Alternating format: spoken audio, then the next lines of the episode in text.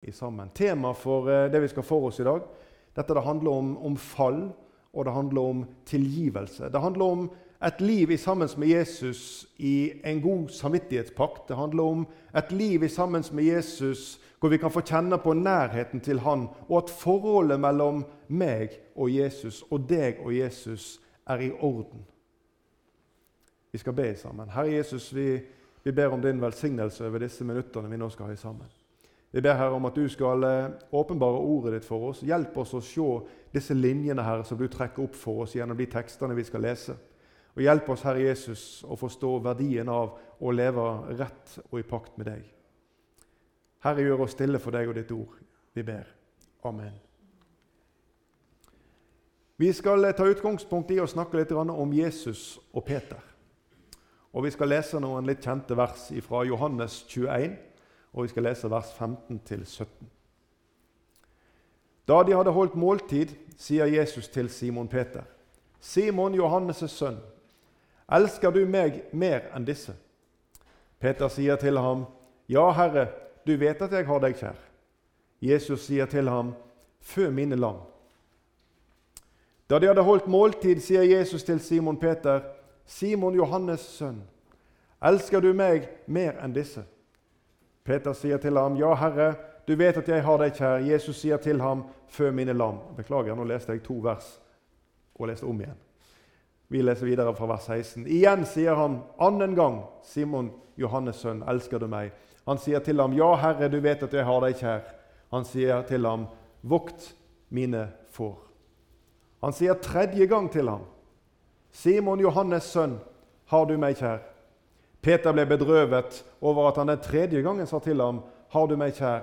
Og han sier til ham, 'Herre, du vet alt. Du vet at jeg har deg kjær.'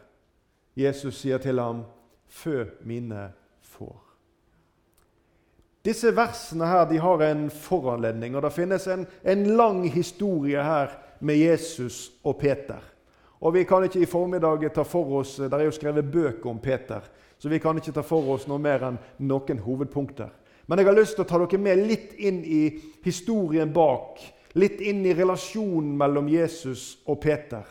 Og så har jeg lyst til å sette disse tre versene som vi nå leste, inn i kontekst, inn i en sammenheng, så vi forstår hva er det som egentlig foregår her, hvor Jesus spør Peter disse spørsmålene.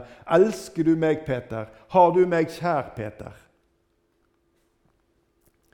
Peter han er en av de disiplene som Jesus kalte til seg. En av de tolv. Peter han ble kalt til disippel mens han var midt i arbeidet sitt. Det er ikke slik at eh, Jesus bare kaller mennesker når de kommer på møte, enten det er i Arken eller andre menigheter, og de sitter pent i benken og lytter. Jesus han virker og er aktiv. Og Jesus, som han gjorde for Peter og noen av de andre disiplene, så er Jesus aktiv i dag og møter mennesker ute i deres hverdag. I Markus 1, 16-17 der leser vi om når Peter ble kalt. Vi leser om Jesus. Da han eh, gikk langs Galileasjøen, fikk han se Simon og hans bror Andreas. De holdt på å kaste not i sjøen, for de var fiskere. Dette ser vi for oss. Vi ser for oss Andreas og Peter som holder på å kaste not uti der. Og her kommer Jesus gående langs inn på stranda. Så ser han disse to, og så sier Jesus til dem i vers 17.: Følg meg, så vil jeg gjøre dere til menneskefiskere. Og Disse to de forlater garnene sine, og så blir de med Jesus. Følg meg, så vil jeg gjøre dere til menneskefiskere. Det er jo en analogi dette med menneskefiskere i forhold til å fange tapte sjeler. Det er det det dreier seg om. Peter han er en av de tolv utvalgte. Han er en av de som Jesus valgte ut som skulle være Jesu sendebud. Og Vi kan lese i Markus 3 og vers 14 om Jesus. Der står det at han tok ut tolv som skulle være sammen med han, og som han kunne sende ut for å forkynne. Jesus han hadde en tanke bak når han plukka inn disse menneskene. Jesus han ville at de skulle være sammen med han, så de skulle få oppleve ting i sammen med han. Så de skulle få se hva Jesus kunne gjøre, så de kunne få lære av det som Jesus hadde å si. Og seinere, istandsatt gjennom det fellesskapet de hadde med Jesus, så hadde Jesus et oppdrag for dem, nemlig at han skulle sende dem ut for å forkynne. Dette alene det kunne vi ha snakket om i hele formiddag når det gjelder disippeloppdraget. Jesus han gir de oppdraget som vi vet sin, i forbindelse med sin himmelfart. Han gir de misjonsbefalingen. Gå derfor ut. Ikke sant? Det var ikke noe sånn hvis dere får noe tid innimellom alt det andre. Jesus han gav dem misjonsbefalingen. Han la dem det på hjertet. Og gjennom det de hadde fått opplevd sammen med Jesus, disse som da sto der, de kunne gå ut i verden og forkynne for alle folkeslag om denne Jesus. Om denne Jesus ved den ene Jesus som det finnes frelse. Peter han var vitne til mange av Jesu gjerninger. Og vi, ikke, vi, kan ikke liste opp alt her i formiddag, men vi tar med oss noen ting. Jesus han gjorde vann til vin i bryllupet i Kapernaum. og Det er det første underet Jesus gjør. Og Vi leser om hva som skjedde med disiplene i Johannes 2, 11. Dette sitt første tegn gjorde Jesus i Kana i Galilea og åpenbarte sin herlighet. Og hva står det videre? Og disiplene hans trodde på ham. For en herre og mester! Som han, han, vil vi følge etter. Se han som vi har valgt å høre til. Se hva han har gjort. Og så blir det en allianse, en sterk relasjon mellom disiplene og Jesus, ettersom de opplever de ting som Jesus kan gjøre, som er umulig for andre, men han som er deres lærer og mester, kan gjøre. Senere får de være vitne til, og Peter får være vitne til, at urene ånder de blir dreven ut av mennesker som er besatte. De får se at spedalske som er syke til døden, de blir rensa, og de kan gå og vise seg for prestene som et vitnesbyrd om at de er blitt rensa fra en uhelbredelig sykdom. De fikk se at lamme som ikke kunne gå, mennesker som hadde vært lam fra fødselen av, ble reist opp, og som kunne pakke sammen, som Jesus sa, ta din seng og gå. De fikk være vitne til at Jesus lagde en deig på jorda og smørte av jord og spytt og smørte i øynene på den blinde og sendte han til Siloa-dammen og ba han å vaske seg, og han kom tilbake igjen seende. De hadde i sannhet fått opplevd Peter hadde i sannhet fått opplevd å se hvem Jesus er gjennom det han gjorde. Når Peter er sammen med de andre disiplene, så får han se at 5000 mennesker 5000 mennesker får mat av to fisker og fem brød. Det utenkelige. Dere skal gi dem mat, sier Jesus. Ja, Men hva skal vi gi dem? Og så var det denne gutten som hadde disse to fiskene og fem brødene. Og så velsigner Jesus dette. Og så samler de inn, og så blir det mengder til overs. Når disiplene etter dette brødunderet går ut i båten og skal over på den andre sida, og de strever mot vind og bølger, så blir de vitne til at Jesus han kommer gående til dem på sjøen. Og ikke bare det at han kommer gående til dem på sjøen, han stiller stormen og kommer opp i båten til dem, og så kommer de, som det står, straks kom båten til landet på den andre siden. Hvem er det som gjør sånt? Hvem er det som får være i nærheten av en mester som gjør slike ting? Jo, det er Jesu tilhørere. De som velger å være i Jesu nærhet, slik som Peter hadde gjort, blir vitne til ubeskrivelige ting. Jesus han setter de skriftlærde og fariseerne fast i ord. De kommer til Jesus med det forsett at de vil fange han i ord. De vil sette Jesus på plass. De vil få han til å si noe som strider mot loven og Skriftene, slik at de kan ha noe å anklage han for. Men Jesus han parkerer dem. Og Disiplene de blir stående der og se på hvordan de skriftlærde og fariseerne må vende seg bort. Fordi de klarer ikke å sette Jesus fast. Det er snudd omvendt. Jesus han parkerer dem. Disiplene og Peter får være med og se når Lasarus, som har vært død i fire dager, blir vekket opp ifra de døde. Når Jesus ber om at steinen må bli rulla vekk ifra grava, og søstera til Lasarus protesterer og sier at nei, det er gått lang tid. Det lukter her allerede, vi kan ikke ta vekk denne steinen. Og Jesus han sier, Ta steinen bort. Og så roper Jesus på den døde der inne. Lasarus, kom ut! Og så kommer den døde ut, som står ombundet med disse likklærne som han hadde blitt iført når han ble lagt der. Peter hadde sett dette. Han hadde sett alt dette. Peter han hadde sett enda mer enn dette. For blant noen få av disiplene så var Peter med oppe på fjellet og fikk se Jesus herliggjort. Og det må vi lese om i Lukas 9, og vers 28 til 36. Omkring åtte dager etter at han hadde sagt dette, skjedde det at han tok med seg Peter, Johannes og Jakob og gikk opp i fjellet for å be. Og mens han ba, ble hans ansikt annerledes å se til, og klærne hans ble skinnende hvite. Og se, to menn samtalte med ham. Det var Moses og Elia. De viste seg i herlighet og talte om hans bortgang som han skulle fullbyrde i Jerusalem. Peter og de som var med ham, var tynget av søvn, men da ble de fullt våkne. Så de hans herlighet og de to mennene som sto sammen med ham. Og det skjedde idet mennene skulle skilles fra ham, at Peter sa til Jesus.: Mester, det er godt at vi er her. La oss bygge tre hytter. En til Moses og en til Elia og en til deg. Han visste ikke hva han sa. Mens han talte, kom det en sky og overskygget dem, og de ble forferdet da de kom inn i skyen. Og det kom en røst ut av skyen. Dette er min sønn, den utvalgte. Hør ham. Peter hadde i sannhet fått opplevd hvem Jesus er. Peter hadde i sannhet fått sett med sine egne øyne. Han hadde fått sanse det, at mennesker i hjelpeløshet ble friske. Ble satt i stand til å leve et normalt liv. Han hadde sett de skriftlærde og fariseerne blitt satt fast.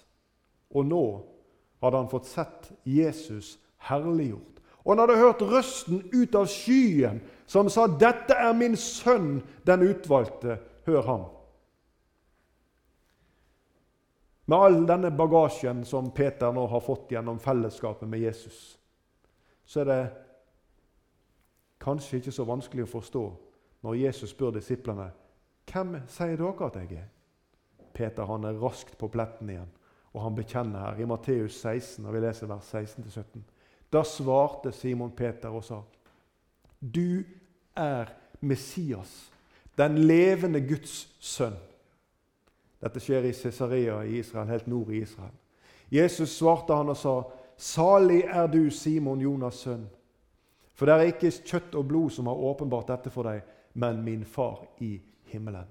Gjennom dette nærværet som Peter og Jesus har hatt, så har det formes en bekjennelse.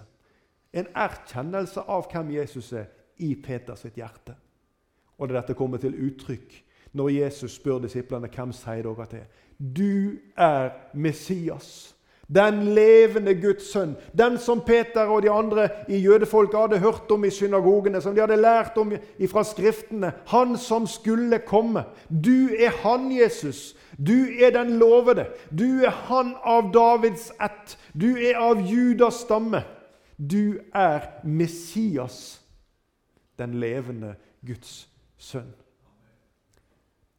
Og når Jesus seinere sier til Peter at Satan ville sikte dere som hvete Han ville friste dere. Han ville prøve dere. Og jeg ba for dere, sier Jesus. Og så er det at Peter han sverger troskap til Jesus, for han forstår nær sagt ikke hvordan, hva er det du mener nå, Jesus, at jeg skulle komme til å svikte deg. Og Vi leser her i, i vers 33 her. Peter sa til ham,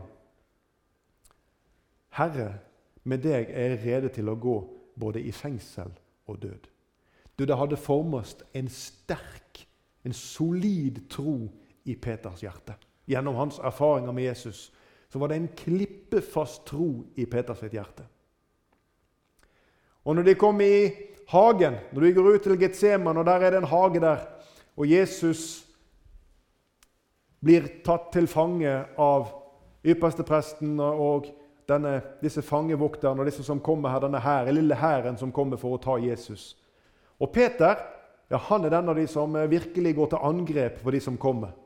Vi leser Johannes 18, vers 10. Simon Peter, hadde et sverd, og han trakk det, slo til ypperstepresten tjener og hogg det høyre øret av han. Vi ser Peter som den som er glad i Jesus, Som den som er villig til å gå i krigen for Jesus. Her kommer, her kommer det en væpna styrke som skal ta Jesus. Og Peter han har ikke et stort arsenal, men han har nå et sverd i ei. Så han går til angrep på de her de kommer. Han har sverga troskap til Jesus. Han vet hvem Jesus er. Han har sett hva Jesus kan gjøre. Hvordan kan vi beskrive best den relasjonen som finnes mellom Peter og Jesus? Jeg har tenkt på det. Hvordan kan jeg klare å beskrive det best? Nå har jeg tatt dere med inn i noen av de tingene dere kanskje har hørt og lest mange ganger. Om hvordan Jesus og Peters relasjon blir bygd sterk gjennom alle disse felles opplevelsene. Gjennom alt det som Jesus har lært, som Peter har fått innsikt i.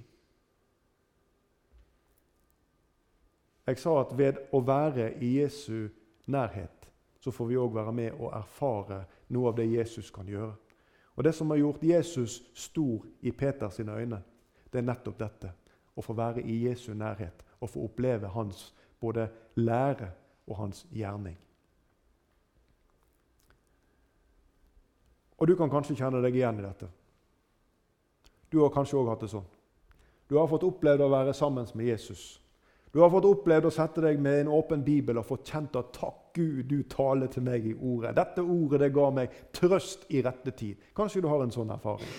Eller du kom på møte, og så var det noen som hadde et vitnesbyrd, og du kunne si at 'Å, det var så godt å være på et møte i dag'. Jeg ble virkelig møtt av ordet. Det vitnesbyrdet som den eller den hadde, det traff mitt hjerte. Og så kan du ha takk til Jesus. Kanskje du har fått gjort store opplevelser med Jesus. Vi har fått her i arken fått vært vitne til at Gud har helbredet mennesker fra uhelbredelig kreft. Vi har fått sett at Gud virker slik som Hans ord sier at han gjør. Men så, helt brått og helt uten at det var meninga, så kommer det fall i livet. Til tross for disse sterke opplevelsene i ord og gjerning som Peter hadde hatt, og kanskje til tross for de opplevelsene du har hatt med Jesus, så kommer fallet. Vi skal lese om Peter, hvordan det gikk, i Johannes 18, når vi leser vers 17. Peter han nå kommet inn i forgården. Han er veldig spent på hva som skal skje der inne med Jesus. Og mens han er der, så leser vi her Piken som var dørvakt, sier da til Peter.: Er ikke du også en av disiplene til denne mannen? Han svarer, Det er jeg ikke. Og vi leser videre i vers 25 i Johannes 18. Men Simon Peter sto og varmet seg. De sa da til ham, Er ikke du også en av disiplene hans? Han nektet og sa, Det er jeg ikke. Så går vi til Matteus 26, og så leser vi versene 73 og 74. Men litt etter kom de som sto der, bort til Peter og sa, 'Visst er du også en av dem. Målet ditt røper deg.' Da gav han seg til å forbanne seg og sverge, 'Jeg kjenner ikke det mennesket.' Hva er det som har skjedd med Peter? Hva er det som foregår her? Hvordan kunne Peter, med den, de opplevelsene han hadde sammen med Jesus hvordan, Til tross for den relasjonen som er blitt bygd mellom disse to, hvordan kunne dette skje? Hvordan kunne Peter falle så dypt i påhør av andre mennesker? Han som har stått tett ved Jesus og nær sagt hatt lyst til å bidra når Jesus setter de skriftlærde fast. Han som har vært der og sett tegn og under, hørt Jesu lære. Hvordan kunne dette skje? Det finnes mange bibelske eksempler på fall og på svik. Jeg har bare lyst til å ta dere helt kort med inn noen. David, som vi leser om, som den mann som Bibelen omtaler som en mann etter Guds hjerte. Han hadde så mange erfaringer med Gud. Vi snakker om han som sprang imot Goliat med noen steiner i lommen og en i slynga. Og så felte han denne filisteren. Og så roper han til han at 'du har kommet imot meg med sverd og lanse', men jeg kom imot deg i Herren herskarenes Guds navn. Det er den mannen vi snakker om. Han med den tilliten til Gud. Han som løper kjempen i møte. Bevæpna med småsteiner i slynger. Vi leser i 2. Samuel kapittel 11 vers 2. så hendte det en kveld at David sto opp av sengen og gikk omkring på taket av kongens hus. Da fikk han fra taket se en kvinne som badet seg, og kvinnen var meget vakker å se til. Hva er det som foregår her, folkens? Hva er det som skjer her? Jo, det skal jeg fortelle deg. Det er det eldste trikset i boka. Djevelen kommer og frister David og planter tanker om begjær i hans indre. Og disse tankene de ble til handling. Og David han fikk drept denne kvinnens mann som heter Urias, og han fikk tatt henne til sin egen hustru. David han var utro med denne Batseba, som denne kvinnen heter. Og fikk et barn sammen med henne. Hun ble med barn. og Det er en lang historie. Det må vi ha, en, må vi ha et møte om en annen gang. Men det vektes syndig begjær i Davids hjerte. Han som hadde fått opplevd alle de seirene Gud hadde gitt ham. Og så falt han sånn. Vi kan eh, snakke om Jonas, den store profeten. Han som Gud talte til og fortalte hva han skulle gjøre. Du kan kanskje tenke deg at, eh, at, Gud talte til deg og fortalte deg sånn at du kunne høre det med øret ditt når du sto hjemme på kjøkkenet, at nå må du gjøre slik og slik. Og så kan du tenke deg at Hvis Gud hadde talt til meg sånn, ja, da skulle ikke det være vanskelig. Vel, det var vanskelig for Jonas. For det står her i Jonas, og vi leser kapittel 1 vers 3. Men Jonas sto opp for å flykte til Tarsis, bort fra Herrens åsyn. Han dro ned til Jaffa og fant der et skip som skulle til Tarsis. Så betalte han for reisen og gikk om bord for å fare med dem til Tarsis. Og hvor henne? Jo, det står her bort fra Herrens åsyn. Det er den store profeten som skal lure seg av gårde på en båt bort fra Herrens åsyn. Og så kan vi smile litt av det, men du, noen ganger så er vi ikke så veldig annerledes. Vi kan snakke om Akan. Akan er en av Israels barn. Han er av Judas stamme. og Jeg skal ikke gå inn og lese hele slektstavla til han, for det er et interessant studie i seg sjøl å se hvem Akan tilhører. og denne hendelsen. Men Akan han er en av de av Israels folk som har marsjert alle disse dagene, alle disse rundene rundt Jerikos murer og fått vært vitne til at når de blåste i trompetene, så var ikke det sånn at da, da, falt porten inn sånn at de kunne gå inn. Nei, da falt muren helt sammen, sånn at hver kunne gå inn i byen der de sto. Rett foran seg, står det. Gud gjør ikke noe halvgjort. Da han, Akan han hadde fått opplevd dette, at Gud han beseira fiendens beleiring på denne måten Hele forsvarsverket falt ned i et nu, i et øyeblikk. Og etter en sånn opplevelse med Gud så leser vi i Josva kapittel 7 og vers 1. Men Israels barn handlet troløst med det bannlyste godset. Akan, sønn av Karmi, som var sønn av Sabdi og sønnesønn av Sera, av Judas stamme, tok noe av det som var bannlyst. Han stjal av det godset som var i Jeriko, som Gud hadde sagt at 'dette får dere ikke røre'. Og til tross for den opplevelsen han hadde hatt gjennom ørkenvandringen, og nå når han hadde fått sett det, Han hadde vært med og gått over Jordan og innover Jeriko sletter. Han hadde fått sett at Jordanelva den, den stopper opp der oppe med en by som heter Adam, og prestene og folket gikk tørrskodde gjennom. Han hadde fått sett når Jerikos murer ramla sammen, som jeg nevnte her. Og likevel så forbryter han seg sånn som dette. Og så finner han noe av dette, dette godset som han fikk lyst til. Og hva gjør han? Jo, han graver det ned under teltet sitt. For der kan jo ikke Gud se, og ikke noen andre heller. Og så kan vi smile litt. Vi forstår. Vi kan snakke om en nytestamentlig hendelse, om den fortapte sønn. Vi leser i Lukas 15, vers 12-13. Den yngste av dem sa da til faren.: Far, gi meg den delen av boet som faller på meg. Han skiftet da sin eiendom mellom dem. Ikke mange dager senere samlet den yngste sønnen sammen alt sitt og dro til et land langt borte, og der sløste han bort alt han eide, i et utsvevende liv. Her snakker vi om eh, mennesker og sønner i en kontekst hvor de bærer ansvaret for sin far i hans alderdom. Sånn at dette boet som han får tildelt, hans del av eiendommen, her påhviler det denne sønnen et forvaltningsansvar i forhold til å ta vare på sin far. Men hva velger han å gjøre? Han samler sammen alt sitt, og så drar han til et land langt borte, og der sløser han bort alt han eide, i et utsvevende liv. Du fall, de bærer ulike navn. Peter han fornekter Jesus, sin beste venn, sin mester. Han får med svik, og han får med løgn, denne Peter. Og David ja, han falt i syndig begjær. Idet han eh, lot sine hjerters tanker bli til handling. Og Jonas ja, han var ulydig. Han gjorde stikk i strid med det Gud ba han om å gjøre, og prøvde å stikke av fra det oppdrag som Herren hadde gitt ham. Og Akan ja, det var tyveri og troløshet. Gud hadde sagt at dette får dere ikke lov til å ta av. Han gjorde det likevel. Han stjal av det, og han prøvde å skjule det.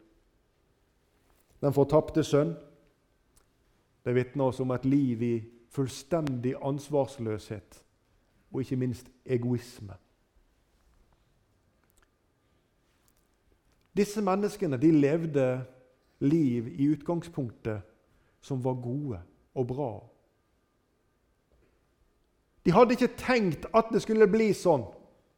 Peter hadde aldri tenkt at han skulle fornekte Jesus. David hadde nok ikke tenkt at han skulle ta livet av sin hærfører Urias og være utro mot hans hustru. Jonas han hadde nok aldri tenkt at Gud som han talte med, at han skulle prøve å stikke av ifra denne Gud.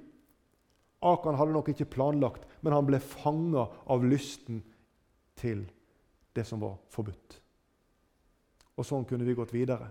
De hadde ikke tenkt, men de ble fanga i djevelens snare. Og du, sånn er det. Det har ikke forandra seg, dette prinsippet. Slik er det fremdeles. Djevelen fanger mennesker i dag, i januar i 2020. Så gjør han det. Han kommer med fristelser og innskytelser. Og det som en ikke hadde tenkt skulle skje, ja, det inntreffer likevel. Og så er en der, fanga i djevelens snare. Synden er begått. Og hva skal vi gjøre da? Det står om Peter når Peter hadde fornekta tre ganger, så skjedde det noe som Jesus hadde forutsagt. Da gol hanen tre ganger. Da husker Peter Jesu ord. At før du, før hanen galer tre ganger, før, før halen galer, så skal du ha fornekta meg tre ganger. Og det hadde nok Peter tenkt at der tar du nok feil, Jesus, for det kommer ikke til å skje. Men Peter han måtte erkjenne i sitt hjerte Gud, det gikk galt. Og så står det her i vers 75 i Matteus 26 og han gikk ut og gråt bittert. Har du kjent i ditt hjerte, du som hører Jesus til, hvordan det kan være når fallet er et faktum? Når du skal på en måte prøve å gjøre det godt igjen ved å nilese i ordet, eller prøve på en måte å rydde opp igjen sånn at du skal være god nok til å komme inn igjen i Jesu nærhet Kjenn da hvor bittert det er i ditt hjerte fordi at du valgte å gjøre annerledes enn det Jesus ville du skulle gjøre. Så synder du mot hans bud og vei. Og på grunn av din kjærlighet til Jesus så blir det vondt i ditt hjerte. Og det var det Peter fikk erfare. Og Kanskje har du, som veldig mange, iallfall veldig mange jeg har snakka med, har en sånn teoretisk kunnskap om at Jesus han kan tilgi alt. Og Jeg skulle nesten ha føyd til en annen setning der på enden, der, og det gjelder alle de andre. Men hva med meg? Når dette spørsmålet i praksis gjelder meg, kan Jesus tilgi alt da? Eller har du synda litt utenfor rammen av det som var omfattet av Jesu fullbrakt på Golgata? Har du tenkt på det? Du, I 1. Johannes 1,9 der står det et skriftsted som vi har sitert mange ganger her i menigheten, og som konfirmantene våre er med og siterer, for det lærer de under undervisningen. Og Det er et av de viktigste. ja, Bibelen er full av viktige skriftsteder, men dette må du trykke til hjertet. Dersom vi bekjenner våre synder, er Han trofast og rettferdig. Så Han forlater oss syndene og renser oss fra all urettferdighet. Når jeg ser på ansiktsuttrykkene her, så ser jeg at jeg er nødt for å lese dette en gang til. For dette her det må gå litt mer inn i hjertene, det vi nå leste sammen. Forstår dere rekkevidden av dette? Hør her nå. Dersom du og jeg, dersom vi bekjenner våre synder, er Han, Jesus, trofast og rettferdig, så han forlater oss syndene, og han renser oss fra all urettferdighet. Halleluja! Det er sant. I dag er det sant. Uansett hva du har gjort og sagt og tenkt, så gjelder dette ordet for deg som hører det i dag. Ved din bekjennelse av din synd til Jesus, så forlater han deg og renser deg fra all urettferdighet. Vi skal gå tilbake til der vi starter. Vi skal tilbake igjen til Peters møte med Jesus, der disse spørsmålene ble stilt. Der over en kullild ved Tiberiasjøen. For historien, litt av historien bak her er at eh, Jesus var død. Og Peter han har bestemt seg for at han skal ta opp igjen sitt, si, sitt ordinære liv, det han hadde før han trefte Jesus. Så han sier til de andre disiplene jeg drar for å fiske. Og det er ikke liksom sånn siden vi har god tid i dag, så tar vi en fisketur. Det Peter sier at nå drar jeg ut for å fiske. Jeg har tenkt å begynne å fiske igjen. Jesus er død, folkens. Vi må begynne å leve igjen. Det er der Peter er når dette skjer. Og Med den sorgen Peter har i hjertet over alt han har gjort, til tross for alt han har opplevd, så står det der ute, og de fikk ingenting det står det, og de fikk ingenting denne dagen. De står der og strever og fisker og prøver å få noe, men de får ingenting. Men der inne, der inne på stranda der ved Tiberiasjøen, der kommer, der det en mann gående. Og noen sier til Peter, 'Det er Herren'. Da finner vi Peter som, som kaster om seg klærne, for det står at han var naken. Og Han kaster om seg klærne og hopper i sjøen. Han har ikke tid til at båten skal komme inntil engang. Og forter seg innover mot stranda. Det er Peter. Der inne er Jesus. Og Jesus han har allerede mat og fisk der inne som han har beredt over en kullild. Og så inviterer han disiplene til å få frokost, eller morgenmat, som det står beskrevet Og det her rundt denne kullilden. Alle disse disiplene som står her, det må ikke vi glemme. Alle de disiplene som var her, de hadde stukket av når de var i Getsemane. Det var ikke bare Peter som hadde gjort noe galt. Alle sammen hadde flyktet. Og Det var felles måltid i jødisk tradisjon. Det har du kun med den du har et forsont hjerte med. Så det som skjer her med Tiberiasjøen, det er at Jesus han inviterer disse til et felles måltid. Til nær sagt å bryte brød sammen. Jesus han inviterer dem til forsoning, til tross for at de alle sammen har stukket av mellom, med halen mellom beina. Og til tross for at Jesus han vet om hva Peter har gjort og sagt. Han hadde jo forutsagt at det kom til å skje. Her står de rundt denne kullilden og nær sagt spiser frokost med Jesus. Og så får, Jesus, får Peter disse spørsmålene fra Jesus. Men jeg har lyst til å rette fokuset imot hva er det Jesus spør Peter etter. Hvorfor gjorde du det, Peter? Hvordan kunne du, Peter? Nei, han sa ikke det. Han kunne ha sagt det, og med rette. Til tross for alt du har opplevd med meg, Peter. Hvorfor? Hvordan? Nei. To ganger så spør Jesus Peter. Peter, elsker du meg? Den tredje gangen så spør han Peter. Han har liksom får omformulert litt, og så til Peter Men Peter, har du meg kjær? Og Peter han blir fortvilt over disse spørsmålene. For det rører seg noe i Peter sitt hjerte. For Jesus han kom ikke med noen bebreidelser til tross for at han vet alt. Men han kommer med et spørsmål om kjærlighet. Peter, elsker du meg? Og Nå kunne vi ha plukka navnet på hver og en av oss som sitter her i salen i dag. Og så kunne vi ha stilt det samme spørsmålet og så til navn på Elsker du meg? Det er Jesus' spørsmål. Peter han har svar på dette tredje spørsmålet når han sier, og vi leser, han sier til ham, 'Herre, du vet alt. Du vet at jeg har deg kjær.' Heri ligger Peters bekjennelse. Jesus, jeg trenger ikke å fortelle deg om fallet mitt. Du vet det, Jesus. Du vet at jeg er svak, Herre. Du vet at jeg ikke vågde å stå opp imot denne folkemassen. Du vet her at jeg var redd for å bli straffa sammen med deg, til tross for at jeg sa at med deg er jeg villig til å gå i døden. Jeg er ikke redd for noen ting. Jeg svikter deg, Jesus. Du vet alt. Og du vet at jeg har deg kjær. Du, David han skriver i Salme 69 og vers 6. Gud, du kjenner min dårskap. Min syndeskyld er ikke skjult for deg. Og det gjelder meg, og det gjelder deg som lytter til disse ordene. Gud kjenner vår dårskap, og vår syndeskyld er ikke skjult for Han. Og kanskje denne, denne setningen kan passe for deg. Den har iallfall passet for meg mange ganger gjennom livet. Jesus, jeg får det ikke til. Jeg får det ikke til å leve med deg sånn som jeg burde. Til tross, Jesus, for alle de gangene du har talt til meg gjennom ordet ditt. Til tross, Jesus, for de gangene du har svart meg på bønn. Til tross, Jesus, for at jeg har fått sett tegn og under ved din hånd. Så får jeg det ikke til. Men jeg er så glad i deg, Jesus. Jeg bare får det ikke til, men jeg er glad i deg på ordentlig. Har du hatt det sånn? Har du kjent det sånn at fallet kommer i livet ditt i tanke, ord eller gjerning?